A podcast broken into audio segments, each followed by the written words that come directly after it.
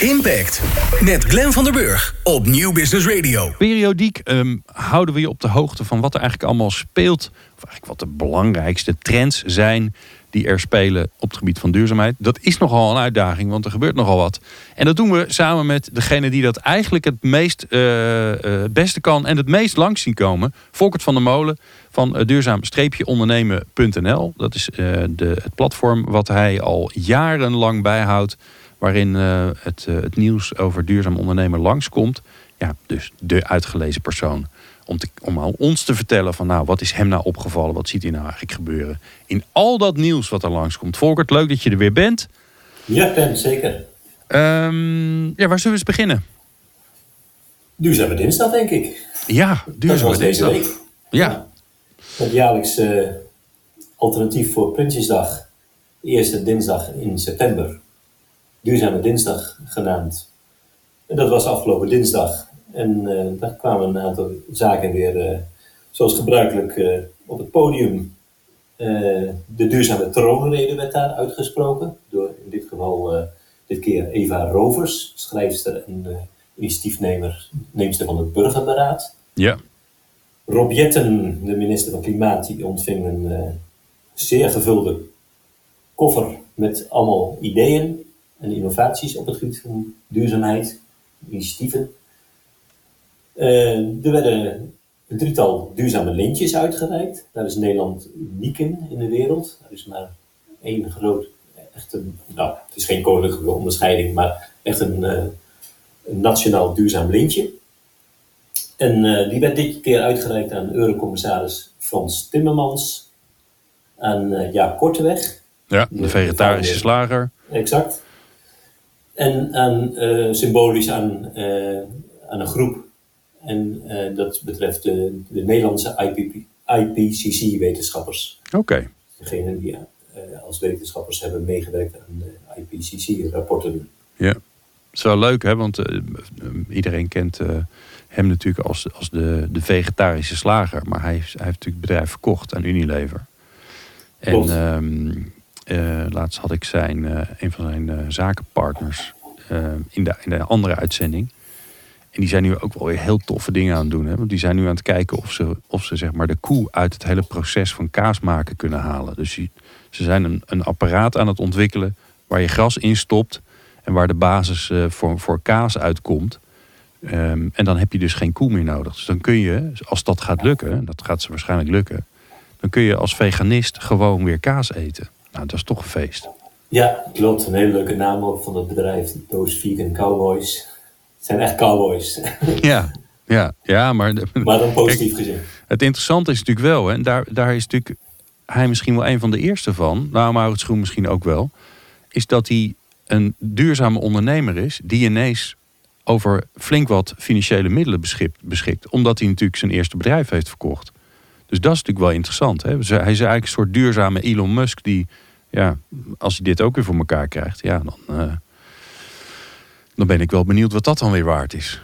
Klopt, ja, zeker.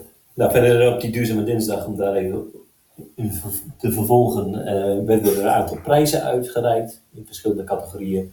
Eentje wil ik uitlichten, dat is de ING Circulair Ondernemersprijs, die naar het bedrijf DriveStack ging. En die maken uh, als het ware kunststof layers die in plaats van cement tussen bakstenen gelegd kunnen worden.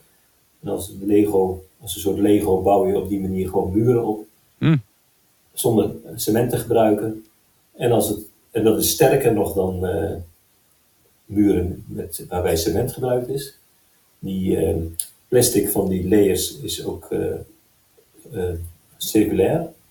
En het geheel is nu circulair, want als het gebouw niet meer nodig is of uh, gedemonteerd moet worden, zeg maar, dan uh, haal je gewoon de stenen los. En die kun je gewoon weer hergebruiken. Oh, Wauw. Oké, dus het is en sterker en je kunt het ook, want dat is natuurlijk, dat past niet in mijn hoofd overigens dit hoor. Maar dat, daar, hebben ze, daar hebben ze vast een of andere briljante technologie voor bedacht. Um, maar het is sterker, want ik kan me ook voorstellen dat het helpt omdat het omdat het iets meer schok op kan vallen, omdat, vangen, omdat het kunststof is bijvoorbeeld. Maar ja. Ook, ja, maar het is gewoon stabieler. Ja, wauw. Het is eigenlijk technologisch heel simpel. Het is gewoon een, uh, een, een framepje wat je tussen de stenen uh, legt. En dan leg je de volgende rij stenen weer bovenop. Gaaf zeg. Het is nog eenvoudiger dan Lego. Ja, ja, ja, dan kan je binnenkort je eigen huis bouwen. Nou, het lijkt me leuk. Klopt, ja, Gaaf.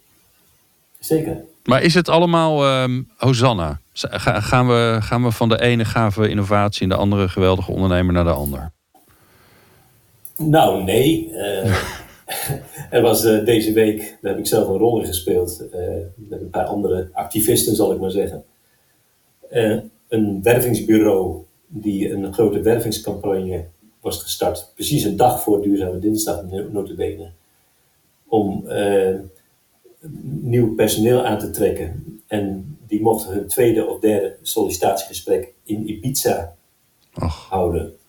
En daar werden ze heen gevlogen. Werden ze, kregen ze een hotelovernachting, diner. En eh, binnen 24 uur konden ze dan weer terugvliegen. Dat was de bedoeling. En dat hebben ze groot gelanceerd met een prachtig filmpje en, enzovoort, enzovoort. En dat hebben we dus eh, met een paar klimaatactivisten helemaal afgebrand, op- met name eh, op LinkedIn. Mm. Waardoor ze het een dag daarna met veel excuses hebben teruggetrokken. oh, wat een blunder. En geannuleerd. Ja, enorm. Wat een Stoer blunder. dat ze dat gedaan hebben, maar zeer onderdacht. Waarbij de CEO later te kennen gaf dat hij wel wat kritische reacties had verwacht. Dus dan vraag ik toch een beetje af van, eh, nou, Tja. hoe ver hebben ze erover nagedacht? Maar in ieder geval is die campagne gestaakt. Nou, verder eh, kan ik ook negatief iets melden dat Nederland toch wel een- als handelsland een hele cruciale rol speelt in de natuurvernietiging. Eh, omdat Nederland heel veel eh, grondstoffen verhandeld wordt, die dus via de havens eh, binnenkomen. En grondstoffen voor, zoals soja, cacao, hout en dergelijke, die komen vaak uit tropische gebieden. En Nederland verbruikt daarmee zo'n beetje een landoppervlak van maar liefst vier keer de grootte van Nederland. Jaarlijks. Nou, dat, omdat uit, dat uit tropische gebieden komt, brengt dat ook heel vaak risico's met zich mee op natuurvernietiging. Dus eh, ontbossing en dergelijke. En het Wereld Natuurfonds, die dit rapport heeft eh, uitgebracht vanochtend, die pleit er dus voor dat Nederland ook een cruciale rol moet gaan spelen. En ook moet pleiten voor Europese wetgeving, die niet alleen ontbossing aanpakt, maar ook de vernietiging van andere natuur en dergelijke. En heel transparant moet zijn. Ja. Ja, en daarmee dus zegt Nederland, jullie hebben een hele grote haven en daarmee ben je ook verantwoordelijk voor wat er door die haven heen gaat. Exact, ja. Klinkt ook een beetje als een trend, eh Volker, dat, dat zeg maar de. eh, kijk, no- no- normaal hè, wordt natuurlijk, werd altijd vaak gezegd van ja, maar eh, de klant wil het of de klant wil het niet. Dat je eigenlijk ziet dat die verantwoordelijkheid steeds meer op begint te schuiven naar dieper de keten in, maar ook dichter bij, nou, in dit geval hè, een transporteur, een haven. Die zeggen ja, maar dit is gewoon niet oké. Ehm, dit, is, dit, dit helpt dit, dit speelt zo'n grote rol bij de natuurvernietiging dat je daar dus een verantwoordelijkheid in hebt. En dat je niet kunt zeggen, ja, wij zijn alleen maar een haven. Wij, wij kopen dat spul niet. Het komt alleen maar eh, langs ons. Ja, dat klopt zeker. Ja. En, leuk is ook dat de consument toch steeds meer keuzes maakt, eh, bewust op een bewuste manier. Kijk, met het economische tij zie je natuurlijk ook alweer een tegentrend. Maar eh, gelukkig zijn eh, onlangs vleesvervangers bijvoorbeeld goedkoper geworden dan vlees. Dat, die trend is nu in één keer eh, Mm. omgezet. En, dus dat maakt het voor de prijsbewuste consument juist weer makkelijker. Ja. Maar ook eh, zijn bedrijven bezig om transparanter te zijn met welke impact hun product heeft. En Xenos is daar een heel mooi voorbeeld van.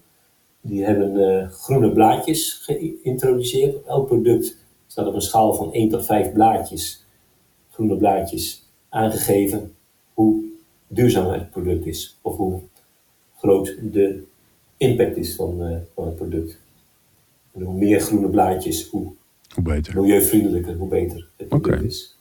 Spannend. Ik ben wel benieuwd hoe ze, hoe ze dat dan hoe ze dat bepalen. Want er liggen nogal wat producten in, Ja, daarvoor zijn ze een samenwerking aangegaan met een eh, Nederlands eh, bedrijf ook, van eh Kelly Ruigrok. Een, Oh ja. een start-up, een bekende dame die heel actief is met het systeem G6. En daar is Xenos een samenwerking mee aangegaan. Dus in dat systeem wordt dat allemaal eh gerate, zeg maar. En de, de impact bepaald. Oké. Gaaf. Ja, prachtig toch? Ja, geweldig. Dat, Zeker. bedoel, ik Xenos is niet de duurste winkel in Nederland. Dus dat is Nee. helemaal. Het is natuurlijk wel mooi dat het ook daar nu eh, aan het gebeuren is. Ja, Ik had on- onlangs ook de, eh, de duurzaamheidsmanager van het Kruidvat, of eigenlijk moet ik zeggen van ES Watson, hè, want zo heet die club dan. Die had ik in de studio en ja, die zijn er toch ook heel erg mee bezig al om echt aparte eh, displays te maken waarin ze hun duurzame producten eh, naar voren brengen. Dus eh, nou, klopt. dat stemt weer hoopvol. Ja, ja, zo zijn er nog meer dingen die hoopvol zijn. Zoals er het Nederlands-Engelse bedrijf Solinatra. Die op basis van restproducten, eigenlijk afval uit de, de landbouw, plastic maakt. Biobased plastic. Ze zijn begonnen met eh, de zogenaamde Nespresso Coffee Cups. Om daar een alternatief voor te bieden. En eh, er zijn al wel eh, composteerbare koffiecupjes voor Nespresso machines. Maar die zijn industrieel composteerbaar en bevatten ook altijd nog een plastic laagje. En dat heeft het product van Solinatra geheel. Dus geen plastic. Volledig aan de criteria voldoen voor gebruik. En je kunt ze gewoon composteren. Je kan ze gewoon in de grond stoppen in je tuin. Ja, je kunt er gewoon een plantje op zetten. Met, met koffie en al erin. Ja, Want, die, ja, want die koffie is Ja. natuurlijk ook goed voor, je, voor de bodem. ja de verpakking is gewoon volledig eh, Geweldig. uit eh, reststoffen gemaakt. En ze willen Mm. dan ook juist dicht op de markt zitten, waar enerzijds waar de consumentenvraag dus groot is, en anderzijds ook gewoon waar veel landbouwproducten eh, vrijkomen. Zeg maar. Wauw. Ja, want ik weet dat een paar jaar geleden dat Peza als, als een van de eerste met, met, een, eh, met een alternatief kwam. Eh, een, eh, een espresso koffiecup die, eh, die inderdaad composteerbaar was. En je hebt de koffiejongens volgens mij. Die ja, maar dat zijn dus de koffiecupjes waar nog wel plastic in gebruikt wordt. Ja, daar zit nog een klein beetje in. En dat is nu Ja. dus gelukt om het helemaal eruit te krijgen. Wauw. Klopt. Nou, dat stemt weer hoopvol. Ehm, laatste wat nog hoopvol stemt. Ja, dat is de jeugd die de toekomst heeft natuurlijk. En dat Ja. zijn ook zeker de studenten. En eh, daar is eh, jaarlijks nu een eh, heel goed draaiend, draaiende challenge voor ontwikkeld. De SDG Challenge. En daar doen voor de universiteitenvariant editie doen daar alle universiteiten in Nederland aan mee.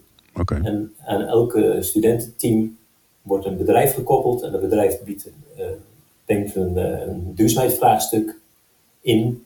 En daar buigen de studententeams zich over. En uiteindelijk komt er een, eh, bij een challenge met eh, pitches, komt daar eh, onder leiding van een jury, komt daar een, een winnaar uit. En dat, ja, dat is echt fantastisch. Ik zit, mag zelf steeds in de jury zitten, maar ik vind het echt geweldig wat voor ideeën er voorbij komen, wat voor enthousiasme daar voorbij komt. Hm. En, en bedrijven die er ook echt mee geholpen worden. Maar anderzijds ook gewoon zijn de teams vaak samengesteld uit eh, eh, internationale teams, zeg maar. Dus eh, de studenten komen uit verschillende landen. Dus eh, een leuke samenwerking komt eruit voort. En er zijn zelfs eh, edities waar de bedrijven nog steeds contact hebben met studenten of gewoon echt met het idee wat eh, geopperd is, wat ontwikkeld is, eh, eh, zeg maar de oplossing daarvoor om, eh, om eh, daarmee verder te gaan en het echt eh, tot ontwikkeling verder te brengen. Geweldig. Nou, Heel mooi, ja. Ja, mooi om te zien. En eh, ik denk voor al die bedrijven die meedoen ook interessant. Want ja, de- dit soort studenten die wil je wel in je, in je organisatie hebben. Ook, ja, Toch? zeker. Ja, Ja. dan kan je dat beter doen dan dat je een tripje naar eh, Ibiza. eh hè?